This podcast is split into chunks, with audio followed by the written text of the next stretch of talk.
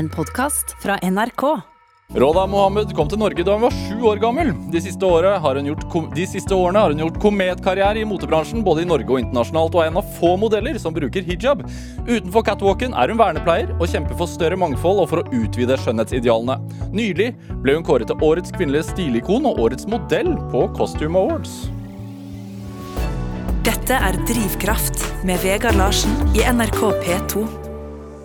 Roda Mohammed, varmt velkommen til Drivkraft. Takk! Så hyggelig å være her. Veldig hyggelig å ha deg her. Hvordan, har du det? Veldig bra. Ja? Jeg går bra om dagen. Vært startet dagen på restaurant, har jeg sett på Instagram. Jeg har Ja. stalket deg på Instagram. Du har, selv om altså, klokka er ikke mer enn 11, men du har liksom lagt ut 20 eh, sånne stories allerede. Ja. Nei, det er, det er veldig gøy å ha frokost ute. Det er eh, en, en av måltidene jeg liker aller best. Og så begynte man seg litt og ha god, god tid på morgenen. Og jeg sto jo opp syv, liksom, så Men hvor, hvor, er, hvor naturlig er det for deg å poste ting Det er veldig naturlig, og det tar tre Altså, jeg tok en selfie på taket der jeg bor nå.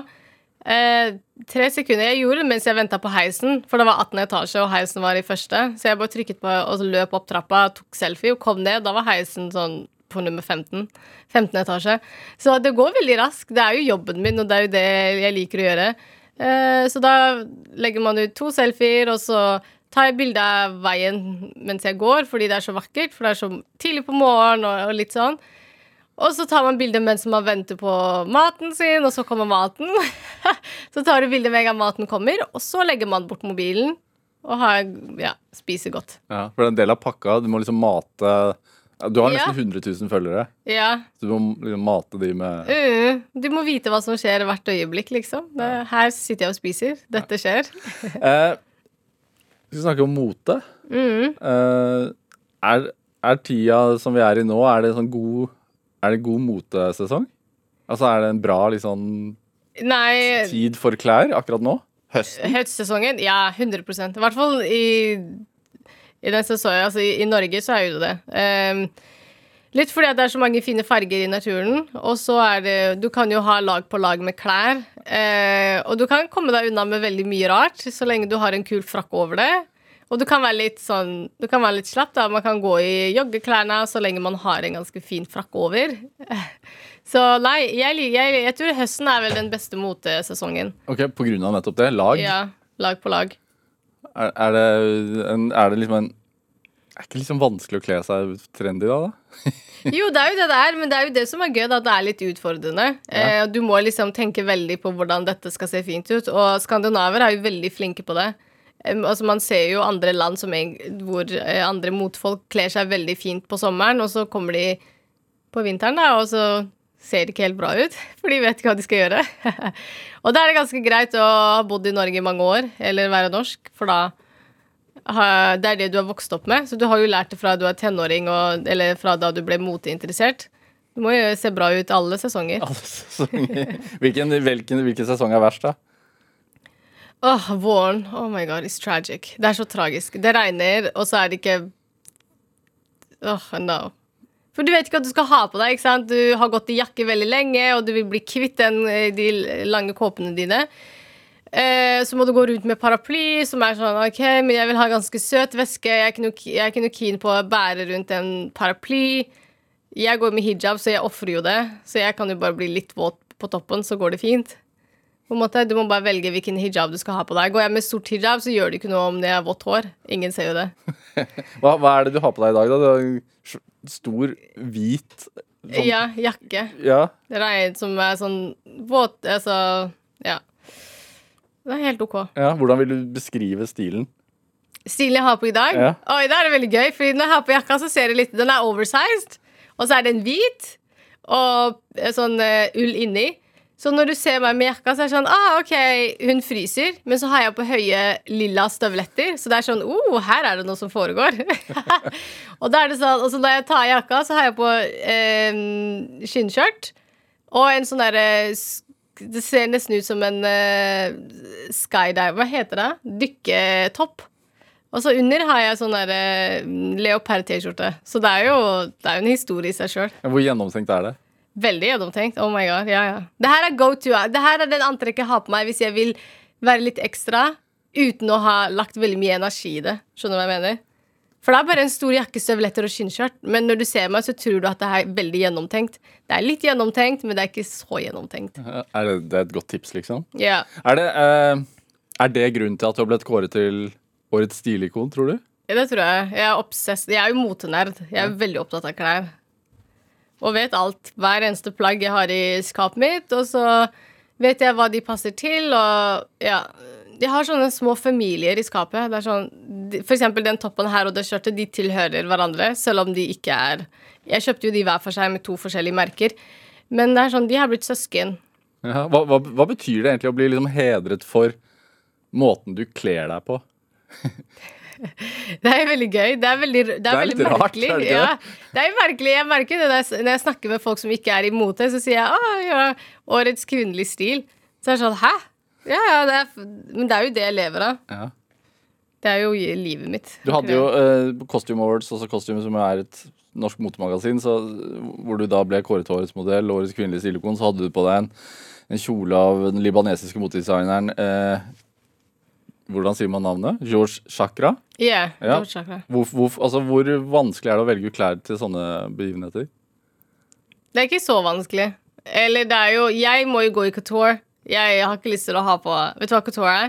Eh, couture er mer det, det er, eh, hva skal jeg, Hvordan skal jeg beskrive det? Snakk til meg som en idiot. Det er akkurat det jeg tenkte. Hvordan snakker man til en idiot? Nei, åssen eh, Det er de derre ekstrem Det er ballkjoler, da. Bare det er designer. Og så finnes de få. Sånn at eh, de får jo kjolene sydd etter deg og din form, så når du får dem, så passer de jo perfekt. Eh, og det er veldig gøy, fordi det er, ikke, det er ikke alle de gir disse kjolene til. Det er ikke alle som har den tilgangen. Eh, og, og så er det ikke ofte de selger de kjolene heller. Det er jo bare designeren sine kreative kreasjoner, og så velger de hvem de vil gi det til. Så hvis de liker deg, og, og de vil at du skal bli sett med klærne deres, så gir de det til deg. Hvordan endte du opp med den kjolen? da? Nei, vi sendte jo de mail og bare Hei, Rolla vil gjerne gå i noen av eh, kjolene dine. Kan hun få lov? Så bare ja, ja, selvfølgelig. Vi liker henne. Vi liker hvordan hun kler Så du må jo ha en slags sånn derre Du må kunne kle deg pent for at de skal gidde å gi det til deg. For du kan ikke få en kjole, og så ødelegger du den. For det, fordi du klarer ikke å steile det riktig. Så de må jo stole på deg til du kommer til å fremme den kjolen på best mulig måte. Den ene kjolen jeg hadde på, ville jeg ikke bli, skulle bli fotografert bak, fordi det var foran var mye bedre enn bak. De var ikke så Altså, Du ville ikke at de skulle fotografere deg bakfra? Nei. Nei. Så da var det sånn, alle fotografene de fikk beskjed Nei, skal ikke fotografere meg bakfra. For de ville jeg skulle gå opp trappa, ikke sant? Og så fotografere meg sånn. Men nei, nei, nei, alle skal ned, jeg skal opp trappa. Og så tar dere bilder fra meg fra trappetrinnet. Hvor viktig er en sånn Altså, hvor viktig utstillingsvindu er det? En sånn motefest som jo denne utdelingen er? Nei, det er jo samme som alle andre bransjer, hvor det, man feirer seg selv, og man feirer eh, Ja, Men for deg? For meg Ja, hvor viktig utstillingsvindu er det for deg? Det er veldig viktig der alle jobbene kommer etter hvert. Er det sant? Ja, ja, alle viktige mennesker er jo der. Og det er jo kollegaene dine, og så er det, det er veldig mye nettverk som skjer på de plassene der. Eh, og så er det jo eh, veldig viktig i karrieren min hvis jeg vinner en pris. Da, er det liksom, da anerkjenner de deg om at OK, det du har gjort så langt, eller det du har jobba hardt med i dette året her, det setter vi pris på, og så får du den prisen her. Det betyr jo veldig mye. Har du liksom høstet noe fra den prisen allerede? Ja, ja, jeg kommer til å høste den et helt år til. Tror du det? Ja, ja. Melke den for alt den er verdt. På hvilken måte da? I mean, det er jo PR. Jeg kan ikke drive gratis PR nå. Nei, men det sier jo litt om liksom eh, Man er jo i samme bransje, så vinner man den prisen. Alle vet jo hvor mye den har vært, og hvor mange mennesker som har stemt på deg. Og at det er liksom Av alle motefolkene så er det du som ble valgt. Det sier jo sitt, ikke sant? Er, er, Mm. hvor glad blir du da? Av å vinne prisen? Ja. Veldig glad. Jeg liker jo penger akkurat som alle andre. Eh, du du, du eh, har jo sagt også at du er opptatt av å bruke den posisjonen du har fått etter hvert nå, til å eh, også kjempe for ting du mener er viktig, ikke bare klærne. Ja. Som for eksempel Jeg syns jo det er helt forskrudd at For det første så er det en bransje som er ganske mektig. Det er Den um, omsetter for ganske mange billioner. Så øh, Og det at det er få mennesker som har sittet på den makta, som skal bestemme hva slags klær som skal ut i verden. Eh, og så har de bestemt at ok, dette her er det vi syns er skjønnhet, og det propper de deg i hjel med alle kampanjene, med alt det de kjører. Og så er det ikke regulert. Det er ingen som får lov til å Ingen bestemmer jo over de, de får jo kjøre på det løpet de selv har ønsket. Så jeg syns jo det er veldig rart at de har bare At samfunnet har bare stått og sett på. At disse her får ødelegge psyken til så mange unge mennesker. Um, og litt fordi det er veldig eksklusivt. Det er veldig vanskelig å komme inn i det, og det er veldig få utvalgte. Så virker det som de, noen står og At det er akkurat som en, en slags um, en port, da. Som det er noen, veldig mange står og vokter den. Mm. At det, det, er veldig nøye med hvem som får komme inn, og litt sånn. Så jeg syns ikke det er greit at det skal være Alle vi kan jo ikke se ut som det en fransk moteredaktør vil at vi skal se ut som. De ser ikke så sånn ut engang sjøl. Så det er jo helt vanvittig at de har bare bestemt at du skal være høy og hvit og blond, og så er det det som gjelder. Ja, hva, hva, slags skjønnhetsideal vokste du opp med? da? Det var det jeg vokste opp med. Ja. Det var derfor jeg ikke liker det. Så ja. Hvor, hvor, hva, hva, liksom Hvilke følelser vekker det i deg? Altså, hva er det du ønsker å forandre på ved det? Eh, for meg som var veldig moteinteressert som ung, så ble det jo veldig at Det ble så lukket. da Jeg kunne ikke Jeg kunne ikke relatere meg til det, for det var de samme jentene. Eller de, de står ganske likt ut. Og det sender jo et signal om at du ikke er ønsket, ikke sant? Eh, og at når jeg søkte på jobber, så fikk jeg det ikke fordi jeg så ut som jeg så ut som. Eh, og det irriterte meg veldig, for jeg følte jeg hadde veldig mye å bidra med. Og jeg har den interessen, og, at, eh, og jeg har talentet for det, men at det ble utelukket fordi jeg ikke ser ut som det de ønsker at jeg skal se ut som. Eh, eller at eh, liksom, man har venninner som er litt store, og at de ikke gidder å gå og kjøpe jeans, og de kjøper det én gang i året fordi det er ikke laget for dem. Eller at de, de, de at de um, får en skikkelig ekkel følelse når de skal gå og shoppe, for de vet at ingenting kommer til å passe dem. Så jeg syns jo det er veldig rart. Altså, Størsteparten av befolkningen, gjennomsnittet, ser ikke ut som de modellene.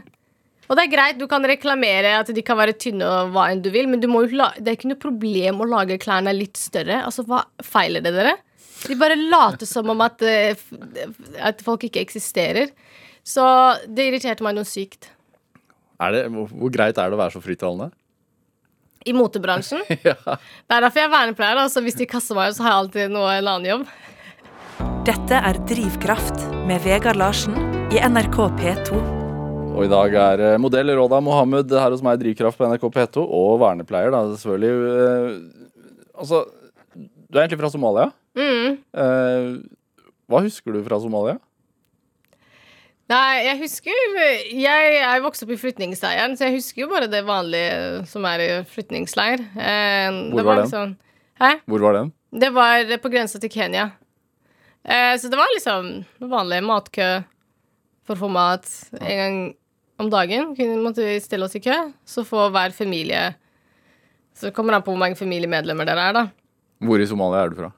Jeg er fra vi er egentlig nomade langt i Mamma og pappa er født nomade, så vi er Det er man ikke fra et sted, liksom. Da reiser man litt rundt med dyrene etter uh, sesonger. Ja. Så det det, hvis det er tørke et sted, så, man, så forflytter man seg, da. Um, så Men klanen min, tror jeg, bo, de bosetter seg vel i sør. Så sør, da. Jeg vet ikke. Hvorfor uh, havnet dere i flyktningleirene? Nei, det var borgerkrig i hjemlandet, så de, øde, de ja, rota det til noe sinnssykt. Ja. Så ble det krig, og da måtte man komme seg ut. Hva, hva er en flyktningleir? Hva er det, hvordan er det? Det er jo akkurat som man ser på TV. Det er helt jævlig. Det er, ikke, det er sånn du Hele livet ditt blitt satt på vent. Altså, jeg er, For meg så var det det eneste jeg kjente til, så jeg hadde den forståelsen av at hele verden var sånn, for jeg hadde jo ikke sett Hvor, gammel, hvor gammel var du? Eh, jeg kom til Norge da jeg var åtte år. Ja. Og så har jeg vært der siden jeg var baby, liksom. Men jeg tenkte jo at hele verden var sånn. Eh, og selvfølgelig, mamma de kunne jo snakke om eh, Somalia. Eh, hvordan det var når det var fred, og at eh, Hva sa moren din da, da? Nei, de kunne liksom si at å, vi hadde hus og vi hadde hage, og mamma og pappa hadde plantet um, For hvert barn de fikk, så plantet de ni tre i hagen hele tiden, sånn at alle barna kunne ha sin eget frukttre, uh, på en måte. Så det var sånne ting, eller at de hadde tomater og uh, og vi hadde kyllinger, og at broren min hadde en apekatt. Det er sånne ting, liksom, som kjæledyr. Um, det var ikke noe jeg kunne relatere til, men jeg hadde jo de historiene. Ja. Hvor mange, men er, det gode minner fra en flyktningleir, eller er det Jeg, jeg har gode minner, ja. Eller det var veldig Foreldrene mine hadde jo bygget en liten slags sånn boble over hvor vi fokuserte på det positive. Det var jo Den verden de laget for oss, var jo så bra at jeg trodde vi hadde det ganske greit. Jeg skjønte jo ikke at det her var at det var ille at plutselig kommer det militærfolk, eller at vi må stå i kø, eller at vi ikke hadde mat i teltet vårt som vi kunne bare Hvis du er sulten, så kan du ikke bare gå og ta deg en snack. Det, maten blir delt ut klokken fire, så da stiller du deg i kø klokken fire. Hvordan, og, hvordan så det ut hjemme hos dere der? Nei, det var telt. Så det var jo Det var bare madrasser som ble lagt ned når man skulle sove, og så fjernet man madrassene når man ikke skulle sove. Så, men jeg, jeg, husker jo mest om at eh, sånn på kvelden så hadde vi spillkvelder, og så hadde vi sånn teater hvor vi ja, brukte teltet til å lage sånne figurer med skyggene og litt sånn. Så når jeg kom til Norge før, så savnet jeg jo det og syns, skjønte ikke helt hvorfor vi måtte være her, og ville heller tilbake dit og sånn. Hva savna du da? Jeg, jeg savna familien, og så savnet jeg alle rundt oss, og at det var Man vil jo alltid til det man kjenner. Ja, For det, blir jo et samhold. Mm, yeah. Er, det, er, det, det som er den gode tingen som man kan, man kan oppleve i, i ja. flyktningleir? Mm. Og så er det jo folk er så behjelpelige, da. Man skulle ikke tro det, liksom. Men det er sånn hvis for eksempel den ene dagen så gikk man tom på matlageret, og det, så hvis du står i køen, da, så er det tom for mat. Så fikk man jo det av naboteltet. Mm. Så liksom man delte jo på det man hadde, det lille man hadde. Er det liksom noen minner derfra som Altså, føles det litt som et liv siden, eller hvordan føles det i dag? Jeg tror Jo mer jeg er inne i moteverden, jo mer ekte blir flyktningleiren for meg. Fordi jeg, må, jeg, er veldig bestemt på at jeg må holde på det jeg kom fra. Og at man ikke skal glemme det og bli så opptatt av glamour og ja, couture-kjoler og sånne ting. Jeg syns det gir mye mer mening når jeg har begge kontrastene. Er det mm. Hvorfor er det viktig å ha med seg det, tror du? For det første så setter det deg ned Du har begge beina på jorda, alt jeg på å si.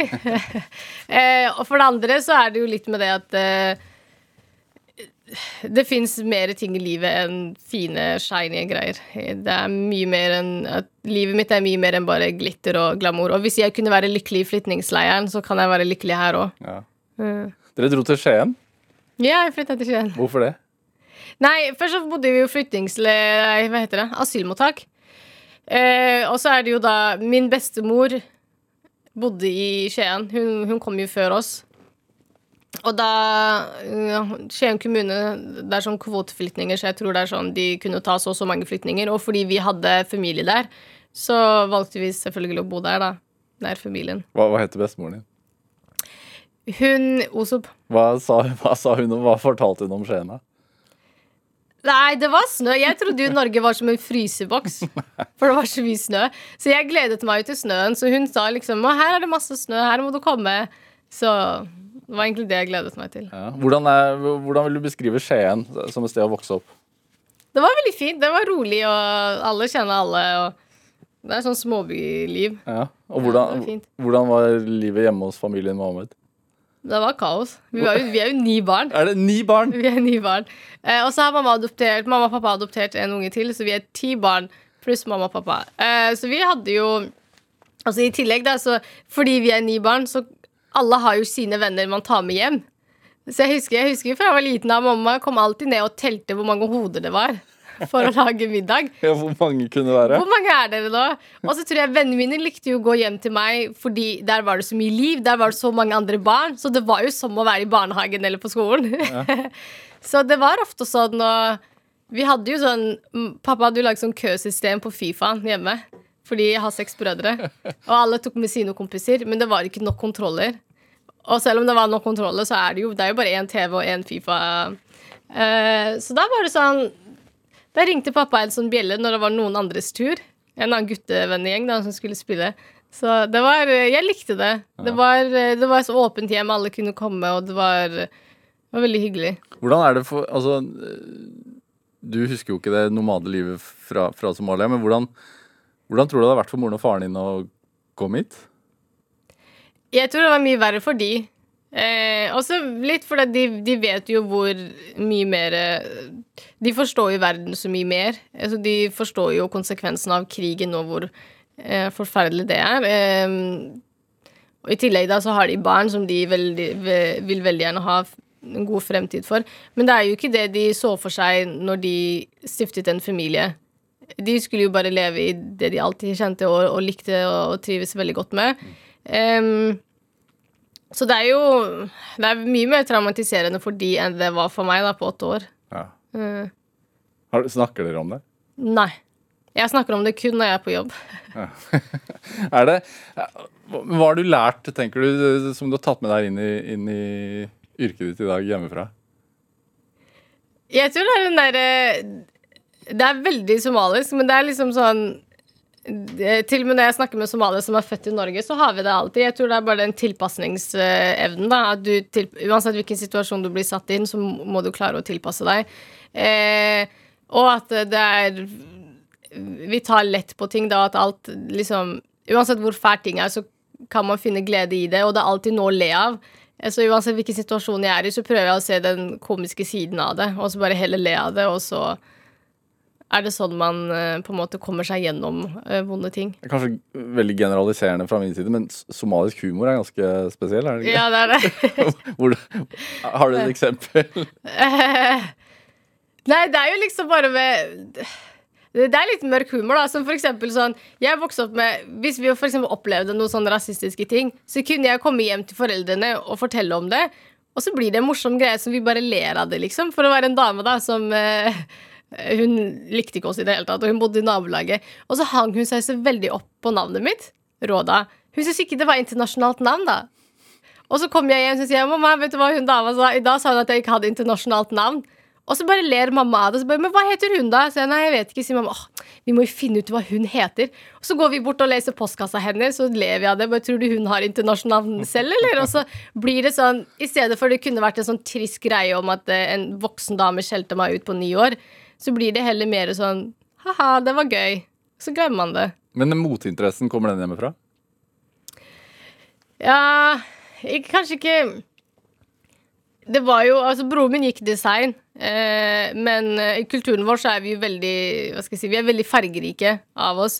Eh, og klær er jo Selv når vi bodde i flyktningleiren, det var jo sånn Damene gikk jo i veldig veldig fargerike klær, for det var det som ble solgt på den tiden. Um, så jeg husker jo det at liksom i id, og det var en stor hvis noen hadde laget en ny kjole Noen av kvinnene kunne sy, så de sydde jo kjolene.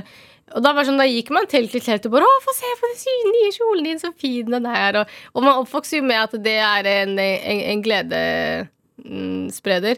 Så Men hjemme så var det jo nok sånn Mamma er jo ikke interessert i mot i det hele tatt. Eh, men fordi de er vokst opp ganske fritt, de er jo nomader sjøl, så det er, litt sånn hipster eh, Det er sånn hippie-folk. Hippie- Hippiefolk? Hvordan, Ja. hvordan da? Nei, det er jo litt sånn Du kan bli hva du vil, og alt er innafor. Det er ikke noe som er I hvert fall i den derre kreative Fordi man har noen innvandrerfamilier som ønsker at barna skal bli leger og advokater, og du skal bli akademisk og sånn. Ja. Men fordi jeg kom fra mine foreldre har den bakgrunnen de har, hvor de alltid har levd med naturen og dyrene, og det er på en måte det som har styret livet deres, så er det jo det samme hva, jeg gjør, liksom, så lenge du bare er lykkelig da, og finner det som er ditt. Ja, men sånn er det når man er ni unger. Ja, det blir jo litt sånn. Du kan ikke ha kontroll på alle. Nei, det ikke det. Altså, jeg merker Jeg har to barn selv. Det er jo kaos. Ja, det er veldig. Hvordan, hvordan er det å vokse opp med så mange søsken? Det var veldig gøy. For eksempel, Mamma måtte ha flere jobber da, etter hvert for å kunne forsørge oss i Norge. Eh, så da var det jo brødrene mine. Jeg har en bror som er 13 år eldre enn meg. Så det var jo Hva er, eh, alders, hva er aldersspredningen? eh, Jeg tror mamma og pappa fikk barn annethvert år, tror jeg. Så vi er ganske nærme. Men så er vi ni av oss, da, så ja. Um, men det var jo sånn Broren min var jo den som hentet og kjørte meg til og fra ting. Eh, så man, man stiller jo opp som en familie. Jeg hjelper jo veldig mye lillebroren min. Når, eh, så det var sånn Alle stepper inn. da Hvis ikke så går det jo ikke opp. To personer kan ikke ta Når en gang du ble voksen nok, så hjalp du de som var yngre enn deg. Så mamma og pappa har aldri hjulpet meg med leksene mine. Det har alltid vært eldre søsknene mine. Hvor viktig er det å ha god selvtillit i motebransjen? Veldig. Hvor, hvor kommer din selvtillit fra? Jeg var bare født i så stor familie. Nei, det var liksom Du vet, eh, hjemme så var det For eksempel hvis vi hadde diskusjoner rundt middagsbordet selv om jeg ikke ville diskutere med brødrene mine som var eldre enn meg, og sånn, så mamma og de pushet jo meg til å fullføre eller si setningene mine. Og du skal tåle Du må tørre å si meningen din, og broren din tåler å høre det.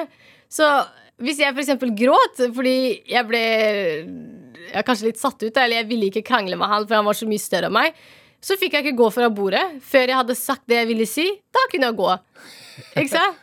Så det, det, er jo disse tingene med For eksempel hvis jeg kom ned til pappa og sa Å, han ertet meg, og han sa det, sier pappa. Men hva sa han til deg? Han sa det og det. Ja, da må du gå og si noe tilbake. Gå og si noe tilbake. Så du blir jo pushet til å kunne liksom snakke for deg og stå opp for deg selv. Eh, og det og det skaper jo en sånn eh, tillit til at du, du kan stå i det, de vanskelige situasjonene. Um, og det bygger jo selvfølgelig selvtilliten din. Ja, Du holder jo noen foredrag, eh, har jeg sett. Eh, så mm. på, på Råda-serien yeah. på NRK så holder du f.eks. et foredrag for jenter på Tøyen eh, mm, yeah. ungdomsklubb. Yeah. Hva gir det deg? Veldig mye. Hvorfor det? Fordi det er liksom Jeg tror det at når man vokser som minoritetsjente i, i, Norge så er det, det er så veldig mange krefter som på en måte holder deg nede. Enten om det er minoritetskulturen vår, hvor det er veldig mye sosial kontroll, eller det er i storsamfunnet hvor du stadig hører negative ting om innvandring, og at du er, du er sånn, og alle samfunnsproblemene er, er Det er på grunn av deg og fordi du er innvandrer, ikke sant. Så det kan ødelegge Det ødelegger Det tar litt håp fra folk, da, om at de kanskje ikke er bra nok. Um, og da er det veldig viktig at uh, andre mennesker kommer inn og viser de et annet bilde av det som kanskje media viser, eller et annet bilde av det um, minoritetskulturen vår vil. da, At jenter kan ikke gjøre sånn, jenter kan ikke gjøre sånn. Og så Du får aldri pause fra det. Det er alltid en eller annen som hele tiden skal fortelle deg hvordan du skal være. Og det tar jo autoriteten fra deg, og da blir du litt sånn tafatt, da, og bare går den veien som alle andre vil at du skal gå, og du nødvendigvis får ikke muligheten til å forme ditt eget liv. Og da er det viktig at uh, man, man, kommer inn og, og prøver å, å, lede dem til at de skal kunne klare seg selv og tenke sjøl og finne fram til De har like rettigheter og muligheter som alle andre. Når var det du bestemte deg for å gå den veien du har gått av? Innenfor motet, eller? Ja. Eh, Mote var vel når jeg søkte på sånn butikkjobb, og så sa de at jeg ikke kunne få den, for det ville skremme bort kundene fordi jeg gikk i hijab. Da var det sånn OK, da, jeg, da skal jeg i hvert fall klare det her.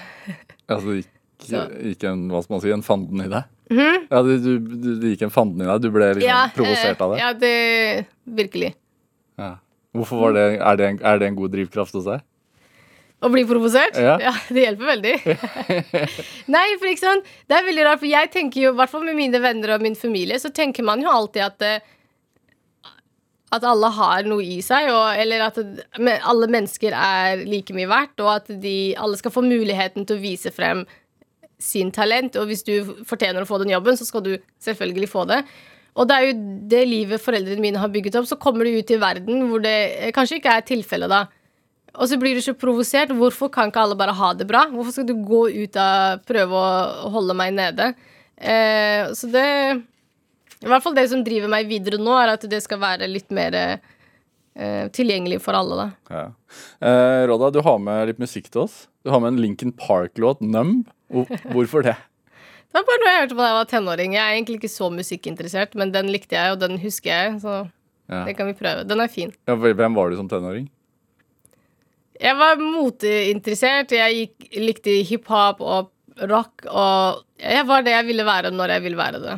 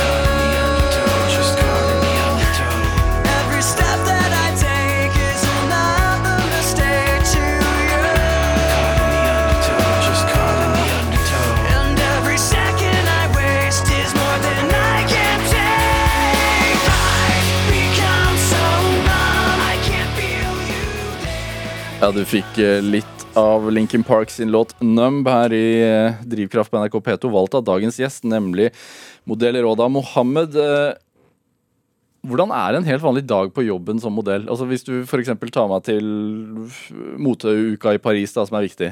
Mm. Hvordan Kan du forklare meg hvordan det funker? Uh, først så er det jo det er måneder med forberedelser før du går til moteuken. Eh. Måneder? Ja, du må jo bestille opp klærne du skal ha på deg. Hvor mange antrekk? Jeg pleier å ta mellom 11 til 13 antrekk. Og hvor mange dager er du der? Syv dager. Ja. Eh, maks syv dager. Etter, eller kanskje åtte dager, da. Eh, nei, det er eh, altså For hvert show du drar For hvert moteshow du går og ser på, motevisning, så må du gjerne ha nytt antrekk. Eh, I tillegg så er det after parties. I tillegg så er det middager du blir invitert på. Eh, og det er jo, du er jo der for klærne. Du er jo ikke der for å Du skal jo vise deg frem dine klær og hva slags smak du har. Så når alle klærne ankommer og antrekkene er satt sammen, så flyr man da til Paris. Og så starter det, og da er det fra ganske tidlig. Ja. Noen av showene starter jo ti. Jeg tror det tidligste er halv ti. Og så fortsetter det til ganske seint på kvelden. Jeg drikker jo ikke, da, så jeg overlever jo alle dagene. Men så er det jo de som Det er masse, mange fester etter hvert. Så hvis du da fester veldig mye, og så kommer de hjem, og da ser du ikke bra ut. Men hva er målet, da? Målet er nettverk, Ja. og at du skal bli fotografert. Eh, at motefotografene skal ta bildene dine, og så legger de det på motemagasiner. Eller så blir det lagt ut på sosiale medier, og da kan du fort eh, sånn trende veldig, gå viral på sosiale medier. Om at hvis antrekket ditt var ganske kult, så blir det lagt ut av ganske mange. Og så skaper det veldig mye trafikk, eh, og så blir du sett av folk du trenger å bli sett av. Så når jeg sier sett, så er det ikke hvem som helst som skal se deg. Da er det liksom det er motefolk. Da er spesifikt interessert i det merket der skal oppdage meg. Da jobber du for at de skal oppdage deg. ikke sant? Hvor viktig Altså, hva kan skje? For det første så kan du få klær gratis. Det er bare viktig å presisere. Det er mye gratis antrekk å få. Okay. Så, så for eksempel i går så fikk jeg en veske fra merket Saint Laurent i Paris. Og da, de hadde jo oppdaget meg og bare 'Å, Råd er veldig kul, hun vil vi ha kontakt med'. Og det er ikke, ikke sant, det at de gir deg en gave, det betyr veldig mye for motfolk. Det er sånn 'Vi liker deg', du er, da er du inn i gjengen. Ikke sant? Men kan det også øh, Da blir det jobb etter hvert. ja? Hvis, Men hva, hvordan er det hvis du ikke blir Altså, du har tenkt i flere måneder, du har med deg antrekk, Ja. du går på en visning, Mm. og så blir du ikke fotografert? Nei, men det må man ikke tenke. Da blir du ikke fotografert. Nei, okay. Nei, så Du må gå inn for å bli fotografert. Du må være på riktig plassene, du må posere riktig. Og så er det jo antrekkene må jo snakke for seg. Så hvis du ikke, ser, hvis du ikke har kledd deg bra, ja, men selvfølgelig blir du ikke fotografert. Da har du bare deg selv å takke for. Så må du gjøre bedre neste sesong, ikke sant? Um, og du må være litt sånn du må, du må klare å tenke over hva er det som kommer til å være i motebildet denne sesongen her. Eh, og det er jo det For eksempel hvis en, to motedesignere har valgt at mørkeblå er den nye fargen, så er det jo mørkeblå som kommer til å være den nye fargen. Det er jo det alle kommer til å gå i, selv om du ikke er moteinteressert. Så det at du tilfeldigvis kjøpte en eh, blå skjorte fra Dressmann, det er ikke tilfeldig, det. Jeg også har sett Devils Wears Prada. Altså, det. Ja, ikke sant? Men det er liksom Det det er de tingene man ikke skjønner når man ikke får det med seg. Når man ikke får med seg mote, motevisningene. Men hvilket, hvilket antrekk fra Altså Et bilde som ikke øh, fikk mye oppmerksomhet fra moteuka i Paris, var at du hadde med en, en sånn pistolveske. Ja, den fikk jo mye oppmerksomhet. Hva ja, sa du? Ja, det, det fikk mye oppmerksomhet. Ja, ja. Ja. Men jeg tror ikke det var pistolen. Der var det den eh, At jeg hadde på den genseren og det eh, tulleskjørtet. Det var mye mer, for det var lilla, og så var det rosa. Tyllskjørt. ja, T-skjørt. Sorry. Eh, og, eh, og så hadde jeg på caps i tillegg. Det var liksom sånn street style med sånn prinsesse-vibe. Ja.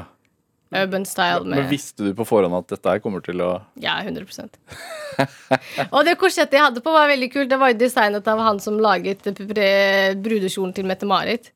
Hvor viktig er Er du glad i oppmerksomhet? Bare når det gjelder mote. Jeg er ikke glad i å få Jeg, jeg liker å få oppmerksomhet for klærne mine, men ikke sånn ellers. Ja. Jeg syns ikke det er noe gøy å stå og snakke foran folk. Eller når folk bare 'Så fin du er', jeg er ikke interessert i det. Men ser du på det som en slags sånn kunstform? Ja, ja. Absolutt. På, På hvilken måte? Altså, man kan se Um, fordi jeg føler Når jeg kler på meg, så forteller jeg jo en historie med det jeg har på meg. Eh, og at dette her, det er ikke tilfeldig. Det her er noe jeg på en måte prøver å lage en, en rød tråd gjennom det hele. Så hvis da andre motefolk på en måte kan se det jeg prøver å se, eller det jeg prøver å formidle, det er jo en uttrykksform for meg, det, er jo, det er jo det som er kult. Eh, eller for eksempel den ene gangen så hadde jeg på et antrekk, for jeg følte liksom OK, dette her er det jeg syns burde være i motefokus. Og så sitter man på visningen, og det er det din favorittdesigner også har satt på visningene. Da er sånn, der får du nesten sånn der utenforopplevelse. Det er for meg helt sykt. Da blir jeg veldig fornøyd og veldig stolt. Hvorfor det? Hallo, han er motedesigner! Da, da har jeg naila det. Det er sånn, oh my god! Men, men Det er hva, stort. hva er det Altså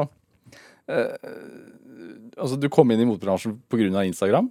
Ja. Ja. Altså, Mm. du, rett og slett pga. at du la ut bilder av deg selv, og så ble du man Mm. go, den gode gamle dag Altså gode gamle oppdaga?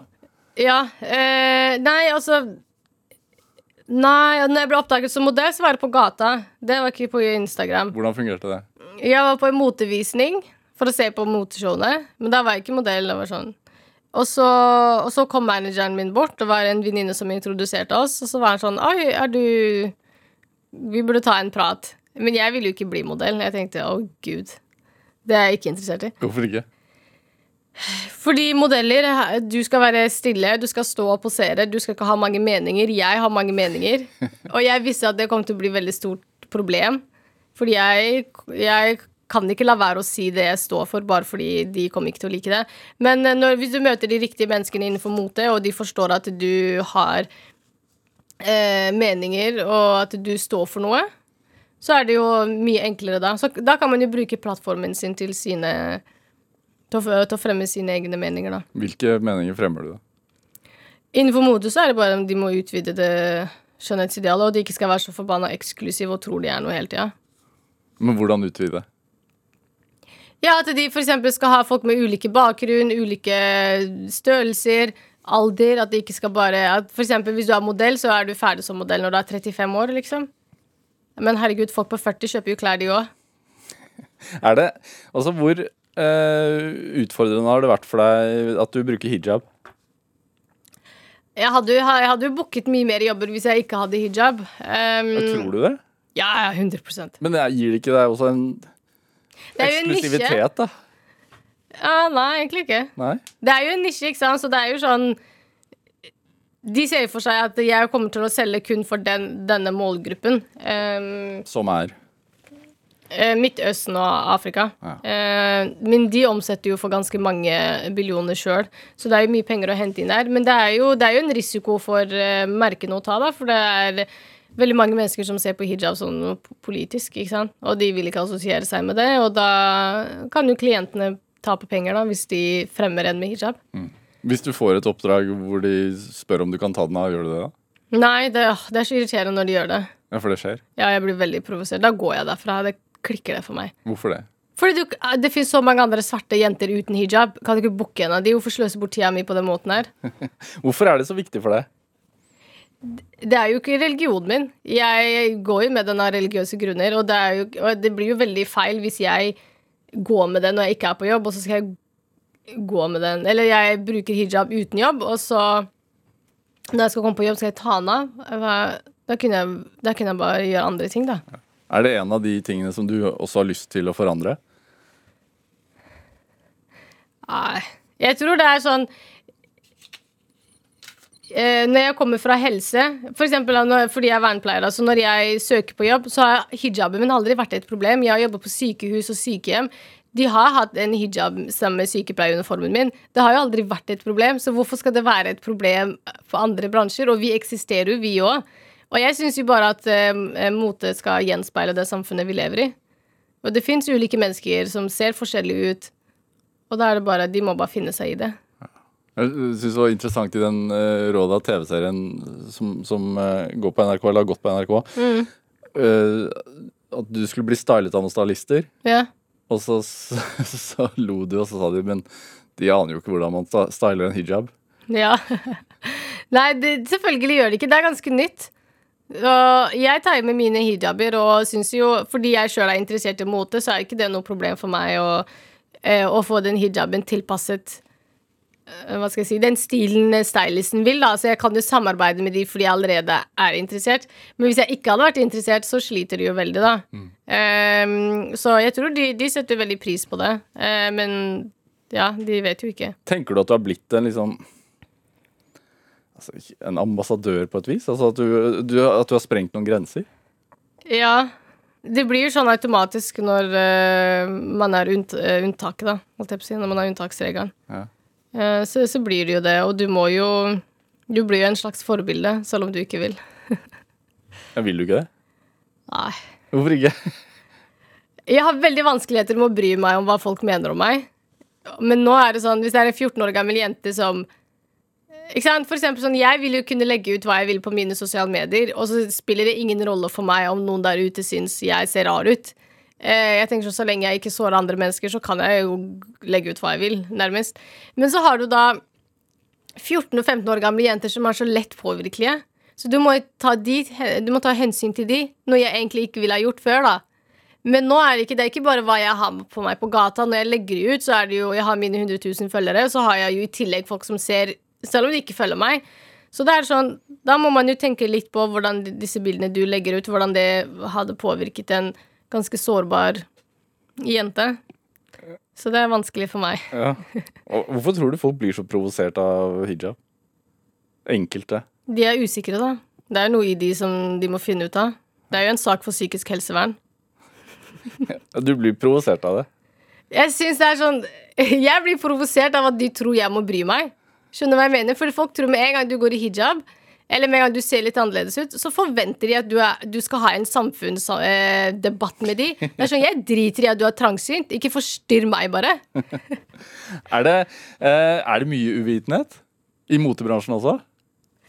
Ja, men motfolk er litt stolte. De er jo litt arrogante, så de sier jo ikke til deg at de er uvitende.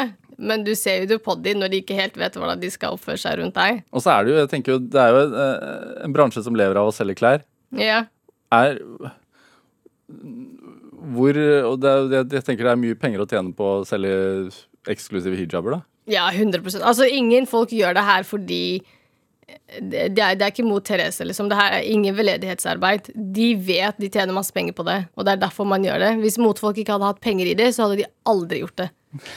100% Hva tenker du om å, om å, om å være en salgsplakat, da? Jeg er forretningskvinne, jeg òg. Det går fint. Jeg skal ha en del av kaka, så går det bra. Dette er Drivkraft med Vegard Larsen i NRK P2. Og i dag er modell og vernepleier eh, Råda Mohammed her hos meg i Drivkraft på NRK P2. Altså dette med, for du er, du er vernepleier på fulltid Ja. også? Mm. Nei, ikke fulltid lenger. Jeg er sånn ringevikar nå. Ja. Ja. Men hvorfor har det vært viktig for deg å holde på den siden ved deg selv? Jeg, jeg har jo flere sider av meg. Jeg tror ikke jeg er bare opptatt av klær og mote. Eh, Jeg er jo omsorgsperson, og jeg liker jo å kunne være der for andre mennesker. eh, Og bedre livskvaliteten deres. Så det er jo Jeg syns det har vært veldig trist hvis jeg ga opp den siden av meg. Jeg tror ikke jeg hadde hatt, vært så veldig lykkelig da hvis jeg ikke fikk eh, utlevd den siden der. Å hjelpe andre. Mm. Hvorfor det? Altså, det er kun pasienter i psykisk utviklingshemmede. Jeg er ikke interessert i å hjelpe alle andre. Hvor- hvordan er, er jo, en dag på jobben der? Nei, altså, det er noe annerledes når man eh, Hva skal jeg si? For jeg tror I historien før så har det vært sånn at psykisk utviklingshemmede Man skal på en måte tvinge de inn i vårt samfunn, og som om våre samfunn er så mye bedre eh, enn deres. Men nå, etter hvert, så har det blitt sånn at eh, vi skal bare tilrettelegge at vi skal gjøre det på deres premisser. Eh, og det syns jeg er veldig fint, at de også skal få lov til å være i samfunnet vårt som de er, da, og at vi hele tiden ikke skal endre og prøve å få alle til å være en gjennomsnittlig standard. Eh, så det liker jeg veldig godt. Og så er det jo Veldig mange av mine brukere er jo autister. Ehm, og de jeg jobber med mest, er, de er ikke så veldig opptatt av hva andre mener om dem. Altså, de har sine særinteresser, og så går de all in for det. Og det er så befriende, og det er så inspirerende å se. Hvordan da? Nei, at for eksempel hvis um, La oss si er en bruker min liker tog, da. Han elsker tog, og det er det eneste han vil prate om. Han har CD-spiller, han går med T-skjorte, tog. Alt er tog, og han går all in for det. Og det er ikke noe unnskyldning. Han skal ikke tilpasse seg meg om at kanskje jeg syns det er litt rart at han er så interessert i tog. Eh, og det har jo gjort at jeg har blitt helt gæren med mote. Da kan jeg jo gå i hva jeg vil, og så får andre bare leve med at det her er det jeg liker. Eh, så det, det syns jeg er veldig fint. Så dere har selvtillit på et vis? Ja. Og det er veldig inspirerende å se de ha sånn. Eh, I tillegg så er det sånn De er jo ikke så veldig opptatt av hva jeg driver med. Så hvis jeg kommer sånn her på jobb, så er det ikke sånn mm, Hva er det du har på deg? Men hvordan er den, hvordan er den kontrasten eh, Altså, å reise da fra moteuka i Paris hjem eh, til jobben som vernepleier? Å, det er, det er så fantastisk. Det er, det er så deilig. Du bare kobler helt ut. Du tenker ikke på noe mote, tenker ikke på den og den sesongen og det han sa det og hun så sånn ut. Det er ikke noe med det å gjøre i det hele tatt. Da kobler du av, og så får du brukt det. Fordi sånn, med mote så er du, det er jo veldig kreativ. Men som vernepleier så må jeg være litt faglig og bruke den akademiske siden av meg, og det er jo en helt annen side av hjernen. Det er veldig gøy. Ja. Så, så det er, du trenger den Jeg må ha den balansen. i livet? Fordi Det, det er verdig liv, da. Ja. Du har ikke altså, Når jeg er 80 år, så kommer jeg ikke til å synes det er gøy. Å, når jeg var 28, så hadde jeg på en så fin tuléskjørt. Altså, herregud, så tragisk. Nei, Hva er et verdig liv, da? Det er at du har vært der for andre mennesker, og du har øh, gjort din øh, borgerrett, holdt jeg på å si. Ja. Mm. Det er det man kommer til å huske. Alle disse livene som, som man har fått oppleve, og at jeg får være en del av et annet person sitt liv. Og man har mange fine stunder sammen. Og at man opplever så utrolig mye sammen, da. Du, det vokser jo opp sammen med de. Altså, hvis du har jobben ganske lenge, når du jobber med mennesker, så er det jo en del av livet deres, så du blir jo en stor del av det. ja. Mm. Så, men, men kunne du tenkt deg å liksom kutte det ut helt og bare satse fullt på modellkarrieren, eller er du avhengig av den siden? Nei, jeg er avhengig av den. Altså, nå er det jo at jeg ringer vikar som vernepleier når jeg er fulltidsmodell. Det er jo bare for å ha en fot i den verden også, at jeg ikke helt slipper tak i det. Ja. Eh, men jeg, jeg, jeg kan jo ikke ha to fulltidsjobber, så da er det modell som er fulltid, og så er det den andre bare for å ha noe å gjøre ved siden av. Er det Altså denne borgerplikten som du prater om, tenker du altså at i forhold til eh, det ansvaret du har da, når du Mm. har 100 000 følgere, og du snakker om at ja, det er unge jenter som ser på hva du legger ut. Ja. Hva tenker du om den da? Altså, Føler du på det, den forpliktelsen, eller Ja, 100 Og det er Jeg tenker jo veldig mye mer over hva jeg legger ut, fordi jeg bryr meg om disse jentene. Hvis ikke så hadde jeg jo blåst i det. Jeg har bare lagt ut akkurat hva jeg ville, og kanskje til og med fått flere følgere eller fått høyere lønn.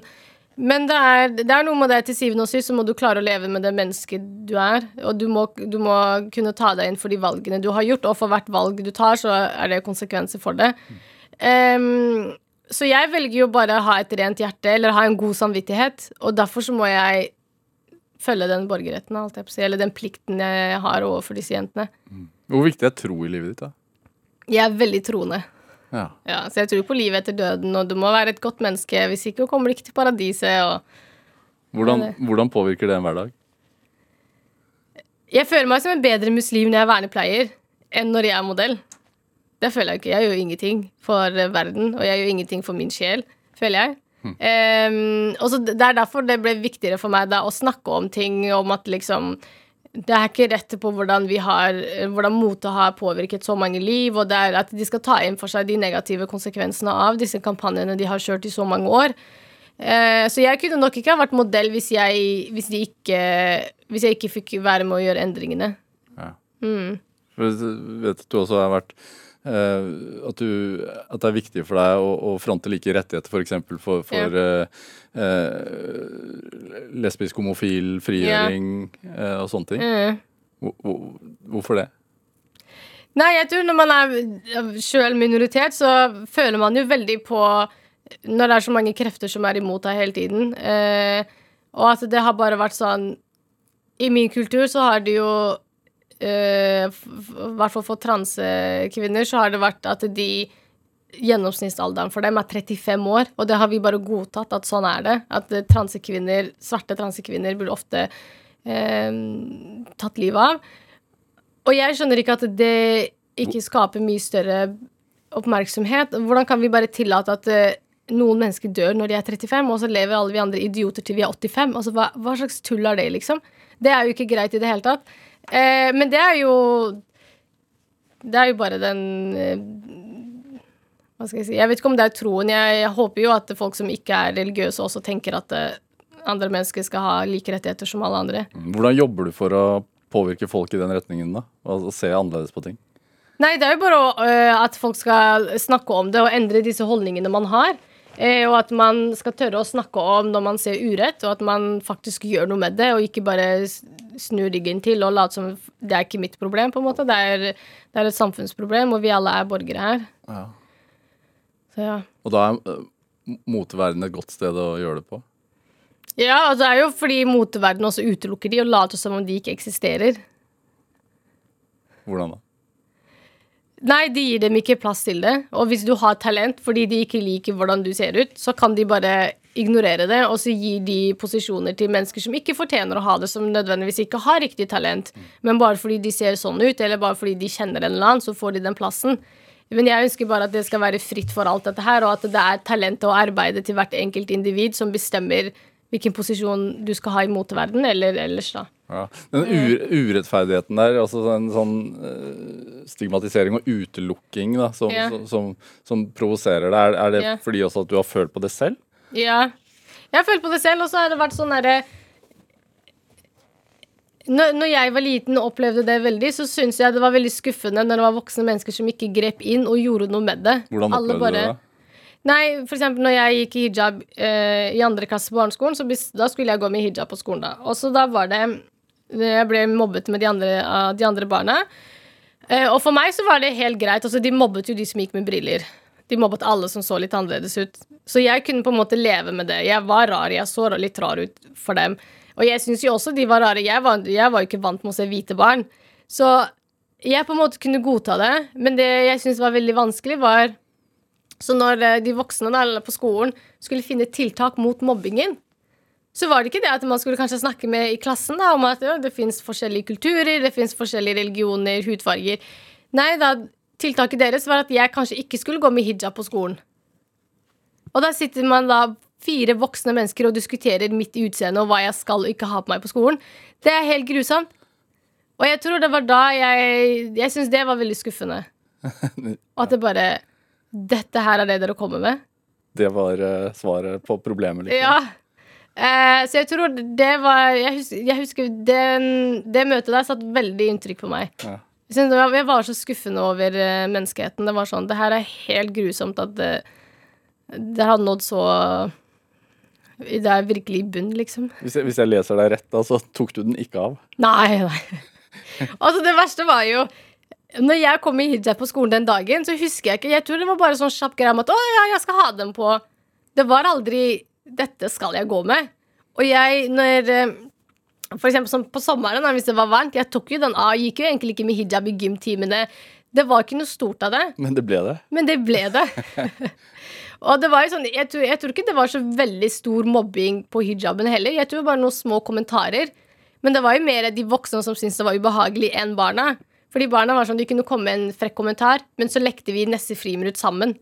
Men det var de voksne som egentlig ikke likte at jeg kom med dem på skolen. Og derfor så ble det et sånt møte.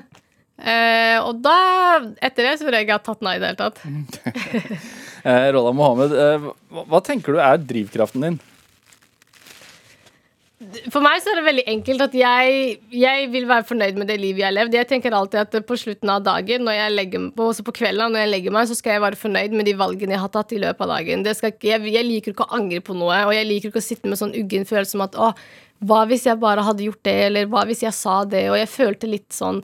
Ikke sant? Jeg syns den um, hvis, jeg, hvis jeg har en sånn følelse, så er det nesten jeg får ikke sove den kvelden. Fordi jeg blir så irritert på meg selv. Eh, så for meg så har det alltid vært det. Og det er jo igjen Jeg ser jo at når jeg Når jeg får den retten til å leve ut som den jeg egentlig er, det er det som gjør meg lykkelig.